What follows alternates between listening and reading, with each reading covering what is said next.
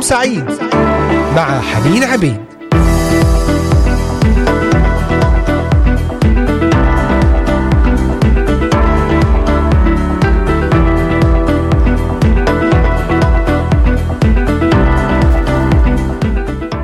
أهلا وسهلا بكم أحبائي المستمعين والمتابعين في كل مكان. أينما كنتم نحييكم أجمل وأطيب ترحيب باسم ربنا يسوع المسيح. من هنا من إذاعة صوت الأمل.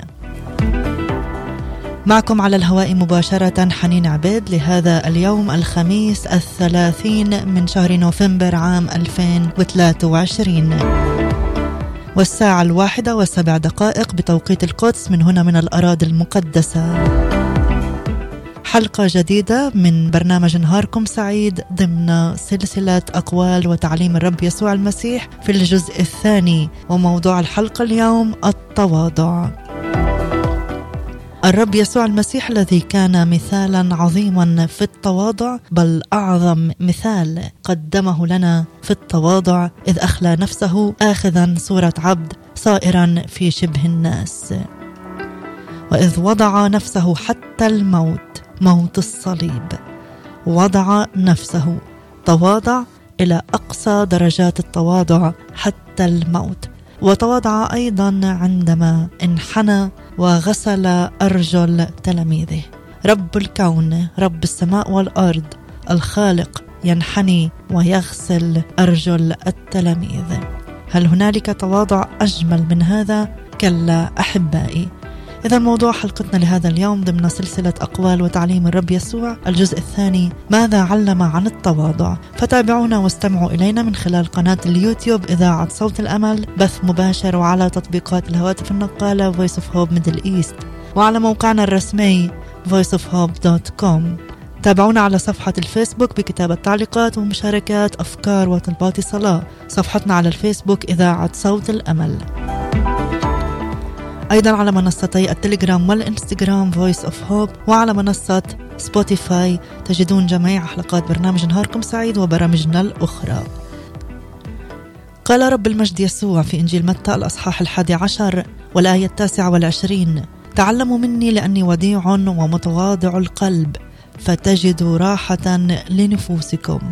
تعلموا مني لأني أنا مثال التواضع لأني وديع ومتواضع القلب. عندما نتواضع نجد الراحة لنفوسنا. ما معنى التواضع؟ التواضع هو التذلل والخشوع وهو عكس التكبر والترفع والتعالي والتشامخ. وأبسط تصوير للتواضع يأتينا من الفعل وضع.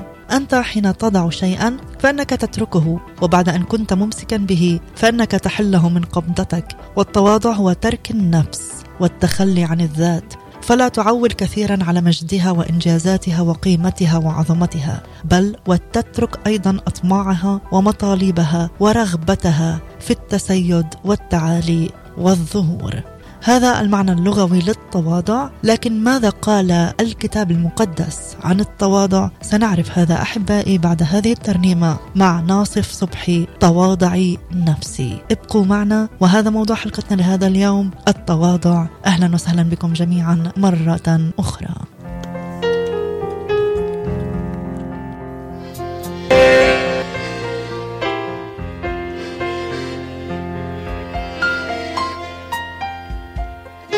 تواضعي نفسي تحت يد الله تحت يد الله. تواضعي نفسي في ليلك الحالي في ذلة حالي في كل أحوالي تواضعي نفسي في ليلك الحال في ذلة حالك في كل أحوالك تواضعي نفسي يلا قول معايا وصلي. تواضعي نفسي تحت يد الله يد الله تواضعي نفسي يومك الباكي في وسط بلواكي كي يفزع عداك تواضعي نفسي في يومك الباكي في وسط بلواكي كي يفزع عداك تواضعي نفسي يلا قول معايا وصلي تواضعي نفسي تحت يد الله. تحت يد الله. تواضعي نفسي خلي بالك. الأمر للإله فارضي بما يرضى. تعينك يمنى تواضعي نفسي. الأمر للإله فارضي بما يرضى. تعينك يمنى تواضعي نفسي.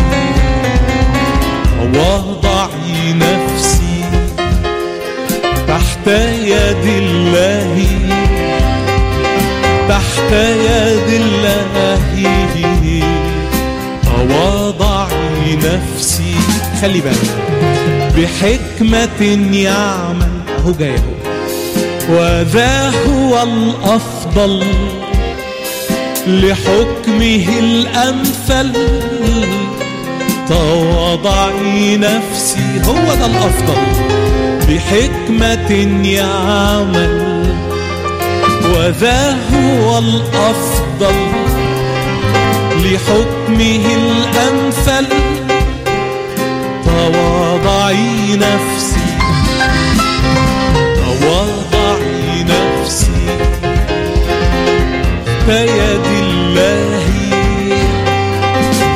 تحت يد الله تواضعي نفسي. كفي عن الشكوى. مهما تاكل بلوى. في شخصه السلوى. تواضعي نفسي. كفي عن الشكوى. مهما تاكل بلوى في شخصه السلوى تواضعي نفسي تواضعي نفسي تحت يد الله تحت يد الله. تواضعي نفسي.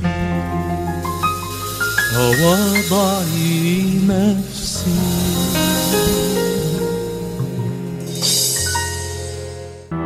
أنتم تستمعون الآن لبرنامج نهاركم سعيد مع حنين عبيد.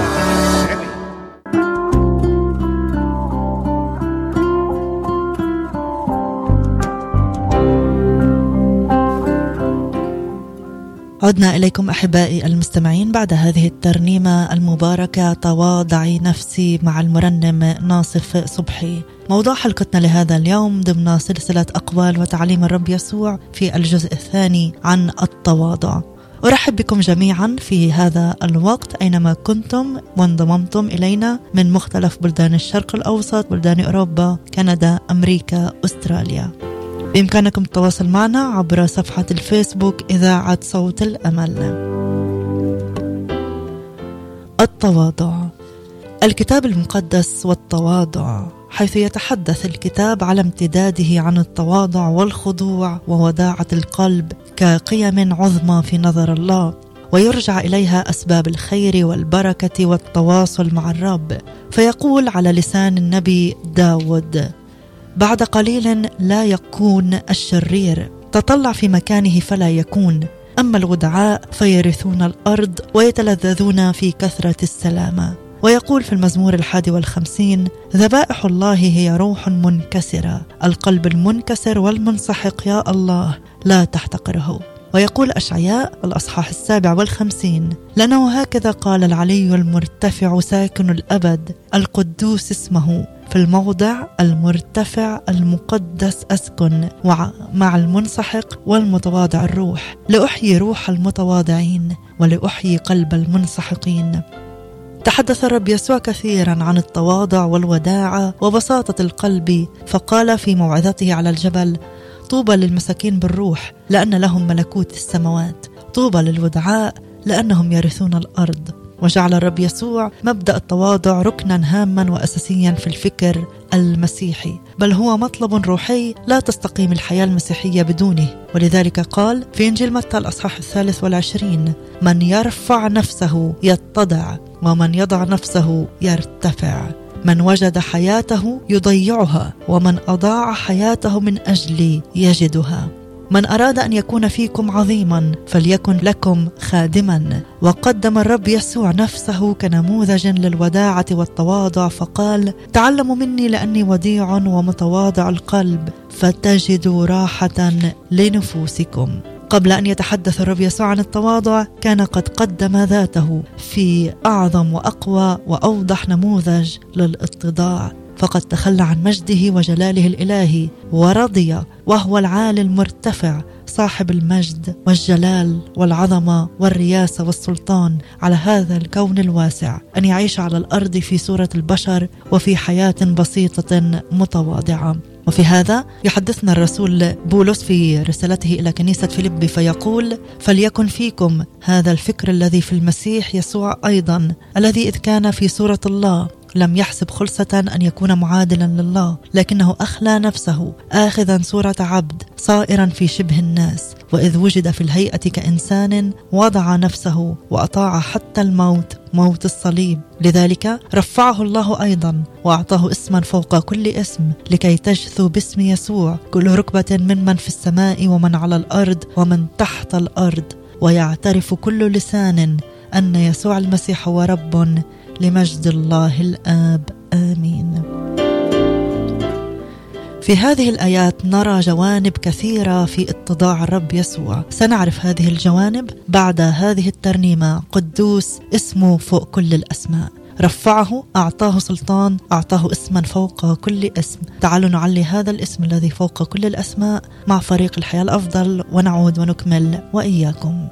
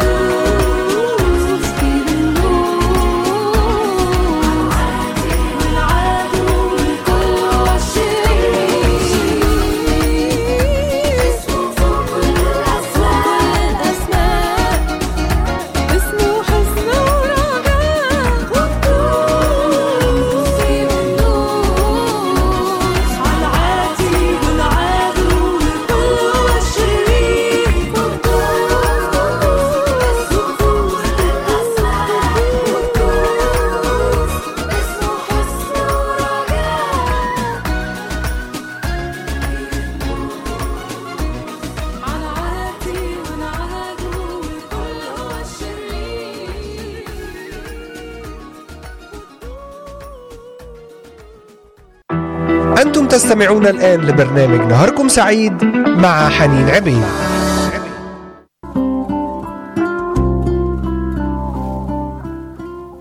أحبائي ذكرنا قبل الفاصل الآيات المعروفة الشهيرة لنا عن اتضاع الرب يسوع المسيح في رسالة فيلبي الأصحاح الثاني الآية الخامسة حتى الثامنة.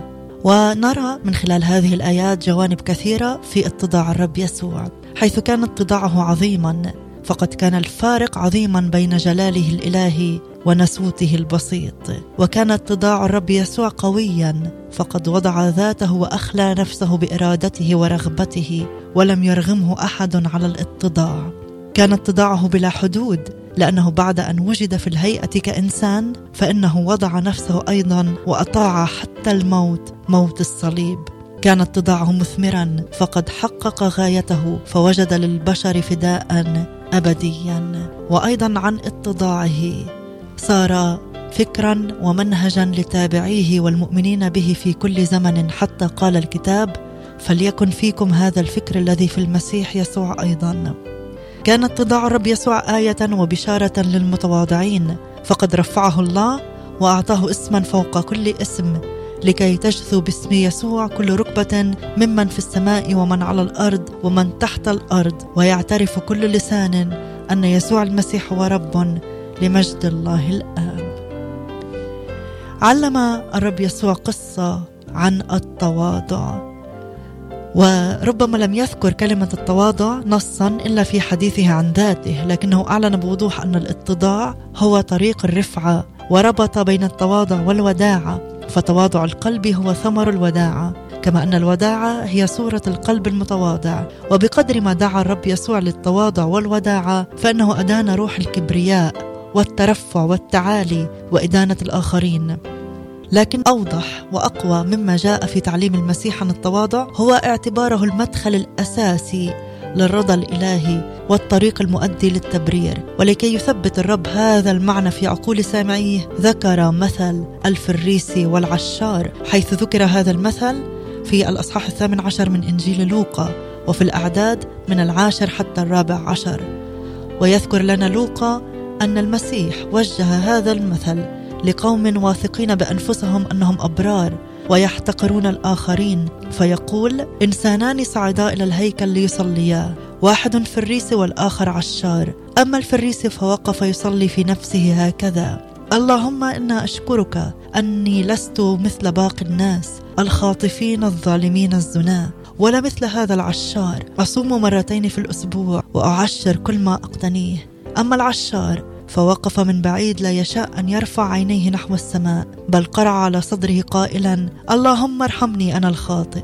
أقول لكم إن هذا نزل إلى بيته مبررا دون ذاك لأن كل من يرفع نفسه يتضع ومن يضع نفسه يرتفع. في هذه الأعداد والأعداد التسعة السابقة لها كان الرب يسوع يعلم عن الصلاة وروى مثل القاضي والأرملة. قائلا إنه ينبغي أن يصلى كل حين. وفي الأعداد التالية أراد الرب يسوع أن يعلمنا عن الصلاة المقبولة التي تصل إلى قلب الله.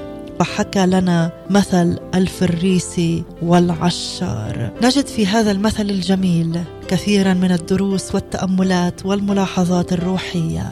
سنعرفها بعد الفاصل مع فريق الوعد يا يسوع يا ابن الله ابقوا معنا.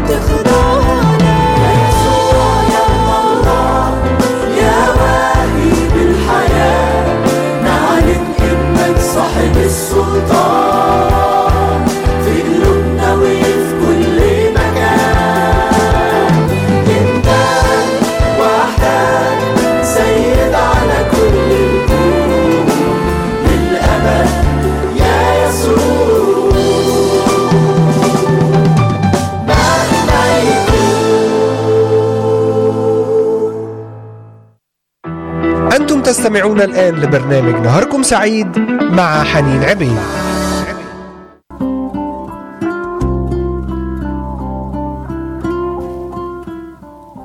ذكرنا قبل الفاصل مثل الفريس والعشار قرأناه كما جاء في الكتاب المقدس وسنتعلم دروس من هذا المثل. أولا من صلاة الفريسي إن كبرياء القلب تعطي إحساسا زائفا بالبر الذاتي. ففي هذا المثل وجه رب يسوع قوله إلى قوم واثقين أنهم أبرار بأنفسهم ويحتقرون الآخرين. كانوا واثقين بصلاحهم وبرهم ولم يكن لهذه الثقة ما يبررها بل كان هذا الإحساس بداخلهم مجرد غرور وادعاء الكبرياء تخدعنا وتجعلنا نتصور أننا أبرار ولسنا بحاجة إلى بر الله. فنكون كالمريض الذي يسري في جسده المرض لكنه لا يعترف به فلا يذهب إلى الطبيب ولا يتناول الدواء إلى أن يهلك. روح الكبرياء لا تعمل في الخطاه فقط فتمنعهم من التوبة ونوال الغفران والتبرير. لكنها قد تعمل أيضا في المؤمنين فتمنعهم من الاعتراف بالخطأ والرجوع إلى الرب. الكبرياء تجعلنا نترفع على الآخرين وقد لاحظ الرب يسوع أن هؤلاء الواثقين من أنفسهم الذين يحسبون على غير الحقيقة أنهم أبرار كانوا يحتقرون الآخرين وذلك لأن غرورهم أعماهم. فبدلا من رؤية عيوبهم وخطاياهم يرون عيوب وأخطاء الآخرين فيتصورون أنهم أفضل منهم. الترفع على الآخرين دليل على الفراغ الروحي والخلو من نعمة الله. فالقلب الذي اختبر غفران الرب ومحبته يسعى هو أيضا ليساند إخوته ويساعدهم. إنه لا يدين الآخرين ولا يترفع عليهم ولا يعيرهم بل يذكر كيف رحمه الله وغفر له. وعلمنا الرب يسوع هذا الدرس في مثل العبد الذي لا يسامح. مجرد الذهاب للاجتماعات والكنيسة ليس في حد ذاته دليلا على التقوى. يحسب البعض أن العبادة هي الذهاب للكنيسة أو المشاركة في الأنشطة أو تقديم تبرع مادي أو ترديد صلوات محفوظة. الحقيقة أنه بالرغم من أهمية هذه الأشياء إلا أنها في ذاتها لا تبرر الإنسان. فالحياة المسيحية علاقة حية ولقاء وتواصل روحي مع الله. صعد الفريسي والعشار إلى نفس المكان الهيكل وبهدف واحد هو الصلاة. وردد كل منهما كلمات موجهة إلى الله. اللهم لكن أحدهما نزل إلى بيته مبررا دون الآخر. فليست العبرة بالتواجد الجسدي بل بروح الصدق والاتضاع والخشوع بين يدي الرب. إذا تمركزت الصلاه حول الذات فإنها لا تستطيع أن تدرك الله. يقول الرب أن الفريسي صلى في نفسه كانت صلاته تدور في محور الذات. وحين نتأمل صلاة الفريسي نجد ما يلي إنه يقف أمام الله لكنه لا يرى إلا نفسه. فيقول كلمات مثل أنا إني لست أصوم أعشر. فمع إنه يوجد يوجه الصلاة إلى الله لكن موضوعها وجوهرها هو النفس. وشكر الفريس الله لكن الشكر جاء في صيغة الإشادة والتمجيد للذات. أشكرك لأني أنا. وذكر الفريسي الناس في صلاته لكنه لم يذكرهم ليطلب لهم البركة بل ليدينهم. وذكر الفريسي خطايا الناس ولكنه لم يعترف بخطاياه هو بل بالعكس ذكر مز- مزاياه بالصوم والتعشير للرب. من لا يقر خطاياه لا ينال خلاص الله. وهذه القاعدة في لب الإنجيل. جاء الرب يسوع ليخلص الخطاة المأسورين بخطاياهم الهالكين في قبضة إبليس. وهو يقدم هذا الخلاص المجاني لكل من يصرخ إليه ويستنجد به معترفا باحتياجه. قال أنه جاء ليطلب ويخلص ما قد هلك. ونحن نعيش الآن في زمن النعمة والخلاص وأبواب التوبة مفتوحة أمامنا لننال الرحمة والغفران والحياة الأبدية. لكن كثيرون تمنعهم الكبرياء فلا يعترفون بخطاياهم ولا يطلبون الخلاص المجاني ولذلك لا يتبررون من خطاياهم فيهلكون ويواجهون المصير المظلم. دروس من صلاة العشار. سنعرفها بعد الفاصل مع فريق بيت الصلاة قصر الدبارة ترنيمة أنت أبرع جمال. ابقوا معنا مستمعينا.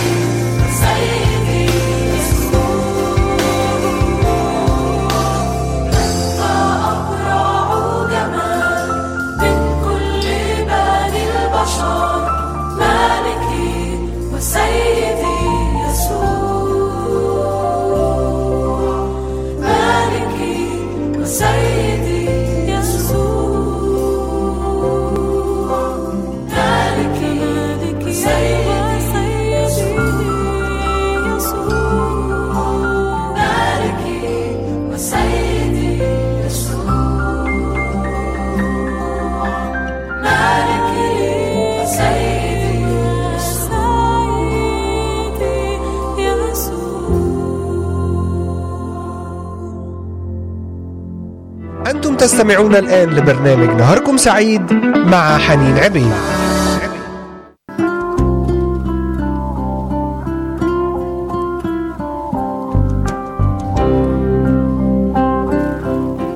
دروس من صلاة العشار. الدرس الأول الاتضاع أمام الله يعكس فهمنا لقداسته وجلاله. نقرأ في صلاة العشار أنه وقف من بعيد. ومع أن الله موجود في كل مكان إلا أن العشار وقف بعيدا عن مكان الأقداس في الهيكل. وقف بعيدا بخشوع. الرب معنا يرانا. روحه القدوس يسكن فينا. يجب أن نسلك أمام الله في خشوع وأن ندخل أبوابه بحمد ودياره بالتسبيح مدركين أنه ببيت الرب تليق القداسه الاتضاع أمام الله يعكس إدراكنا لعدم استحقاقنا وحزننا على خطايانا. العشار لم يشأ أن يرفع عينيه نحو السماء فهو يدرك أيضا أن السماء كرسي الله وأن الأرض موطئ قدميه. لذلك أخضع العشار قلبه وحول بصره إلى الأرض. أحبائي يجب أن ندرك مدى تأثير خطايانا وأن نمتلئ رغبة بالقداسة. الندم دليل التوبة والرغبة في الخلاص. قرع على صدره نقرأ عن العشار. وكانت هذه علامة الندم وكأن ضربات قلبه توبخه مثل ما حدث للجمهور الصاخب الذي أحاط بالصليب. الندم على الخطية خطوة لازمة في مسيرة التوبة. لكي يقبل الله توبتنا يجب أن تكون صلاتنا واضحة وصادقة وشخصية. قال العشار اللهم ارحمني أنا. وأجمل ما في هذه الكلمات أنها اعتراف صادق بالخطأ. إن العشار لم يحاول أن يجد لنفسه الأعذار والحجج والمبررات ولم يحاول أن يتجمل بل قال كلمات قليلة صادقة ومباشرة. لذلك قبل الرب توبته. قدم لنا هذا العشار البسيط صورة مثالية لأفضل صلوات التوبة والتي أفادت ملايين الناس فيما بعد. في مرات كثيرة يصلي أحدنا قائلا يا رب ارحم جميع الناس أو يقول يا رب ارحمنا نحن الخطاة وكأنه يريد أن يقول أن خطايانا عامة أو خطاياه عامة يصنعها الجميع. وهذه الصلاة غير الصريحة ينقصها الصدق وينقصها الإقرار الفردي الواضح بالتوبة والندم بالاحتياج. إننا حين نذهب للطبيب لا نقول له إن الناس لديهم أوجاع في جسمهم بل نعبر بوضوح عن أنفسنا وهكذا يجب أن نصلي عن أنفسنا. كل خاطئ يأتي إلى الرب يسوع تائبا ينال التبرير. حيث نقرأ في قصة العشار أنه نزل إلى بيته مبررا. والتبرير عطية مجانية. يمنحها الله لنا على أساس موت الرب يسوع على الصليب كبديل عنا. إنه ليس كما تحكم المحكمة بالبراءة فالمحكمة تحكم بالبراءة على من لم يثبت ارتكابه للجريمة. لكن التبرير حكم بالعفو على مذنب يستحق الإدانة لكن الله يحسبه بارا في نظره لأن دينونته وضعت على الرب يسوع الذي أسلم لأجل خطايانا وقام لأجل تبريرنا. مثل العشار يبين التواضع كقيمة خلاصية. في نهاية مثل الفريسة والعشار يقول الرب يسوع لأن كل من يرفع نفسه يتضع ومن يضع نفسه يرتفع. وفي هذا القول قاعدة عامة في تعاملات الله أنه يطلب منا التواضع لكي يرفعنا ويحذرنا من التعالي حتى لا نسقط. ولكن التواضع وإن كان قيمة وفضيلة مسيحية عامة إلا أن التواضع أيضا قيمة خلاصية فبدون التواضع والانكسار والخضوع والندم والاعتراف لا ننال الخلاص. علم الرسل أيضا عن التواضع. قال يعقوب ليفتخر الأخ المتضع بارتفاعه والمعنى هو أنه من كان فقيرا واخا مؤمنا فليسر بمقامه الذي رفعه الله إليه. يقاوم الله المستكبرين أما المتواضعون فيعطيهم نعمة فاخضعوا لله. قال أيضا يعقوب في الإصحاح الرابع اتضعوا قدام الله فيرفعكم. قال بطرس في الرسالة الأولى كونوا خاضعين بعضكم لبعض وتسربلوا بالتواضع لأن الله يقاوم المستكبرين أما المتواضعون فيعطيهم نعمة. فتواضعوا تحت يد الله القوية لكي يرفعكم في حينه. نعم ما أجمل فضيلة التواضع وما أجمل التمثل بها. عندما تسمع زقزقات الطيور في الصباح فكر في هذا. إننا لا نسمع الموسيقى والألحان الساحرة من النسور أو النعام ولا بل من البلابل والكناري الصغيرة جدا فهي وحدها التي تصدر أعذب الأنغام. فالمسألة ليست بالحجم. الجذور والأساسات لا تظهر فوق السطح ولا يراها أحد لكنها هي التي تمد الأشجار بالغذاء وتثبت البنايات الشاهقة. إذا فكرت في ذاتك قليلا فإن الله يفكر فيك كثيرا. إذا طرحت نفسك عند أقدام المسيح يرفعك المسيح على ذراعيه. إن قمم الجبال العالية لا تنتفع بالأمطار لكن الوديان المنخفضة هي التي ترتوي وتخصب وتثمر. كما أن الكبرياء حولت الملائكة إلى شياطين فأن التواضع يجعل البشر كالملائكة. لا يستطيع أحد أن يدرك ارتفاع الجبل إلا بالوقوف عند السفح وكذلك فإن المؤمن لن يدرك عظمة مجد الله فوق قمم التجلي إلا إذا نزل هو إلى وديان التواضع. آمين. في النهاية أحبائي دعونا نصلي هذه الصلاة. أشثو أمامك خاضعا منكسرا. أضع وجهي بين يدي. تعلمت قشور العلم فارتفعت نفسي وحسبت نفسي عالما وجمعت بعض أشتات المعرفة. حسبت نفسي حكيما بنيت لنفسي بيتا. ظننت نفسي ملكا حفظت بعض آيات الكتاب. ظننت نفسي قائدا أنفقت بعض الفائض على أعمال البر. أهملني الناس ثرت لنفسي وظننت أنني مستحق للإكرام.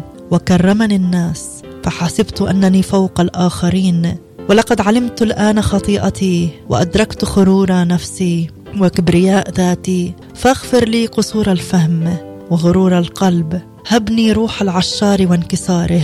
افتح عيني على بهاء مجدك يتضع قلبي أمامك وأعلم كم أنا فقير ومسكين في ذاتي. افتح بصيرتي على فضل نعمتك فأدرك أني موضوع حبك ولذتك فيبتهج قلبي وتبتهج نفسي في داخلي وأعلم كم أني كم أنا غني بك. يا رب. آمين. آمين. طول ما عيني ليك مرفوعة يفضل قلبي بيك مرفوع. الرفعة الحقيقية منك يا رب وحدك. أعطني يا رب أن نعيش متضعين أمامك متكلين عليك في كل شيء. عالمين أننا بك نحيا ونتحرك ونوجد. اختم على هذه الكلمات بروحك القدوس. لك المجد والبركة. آمين.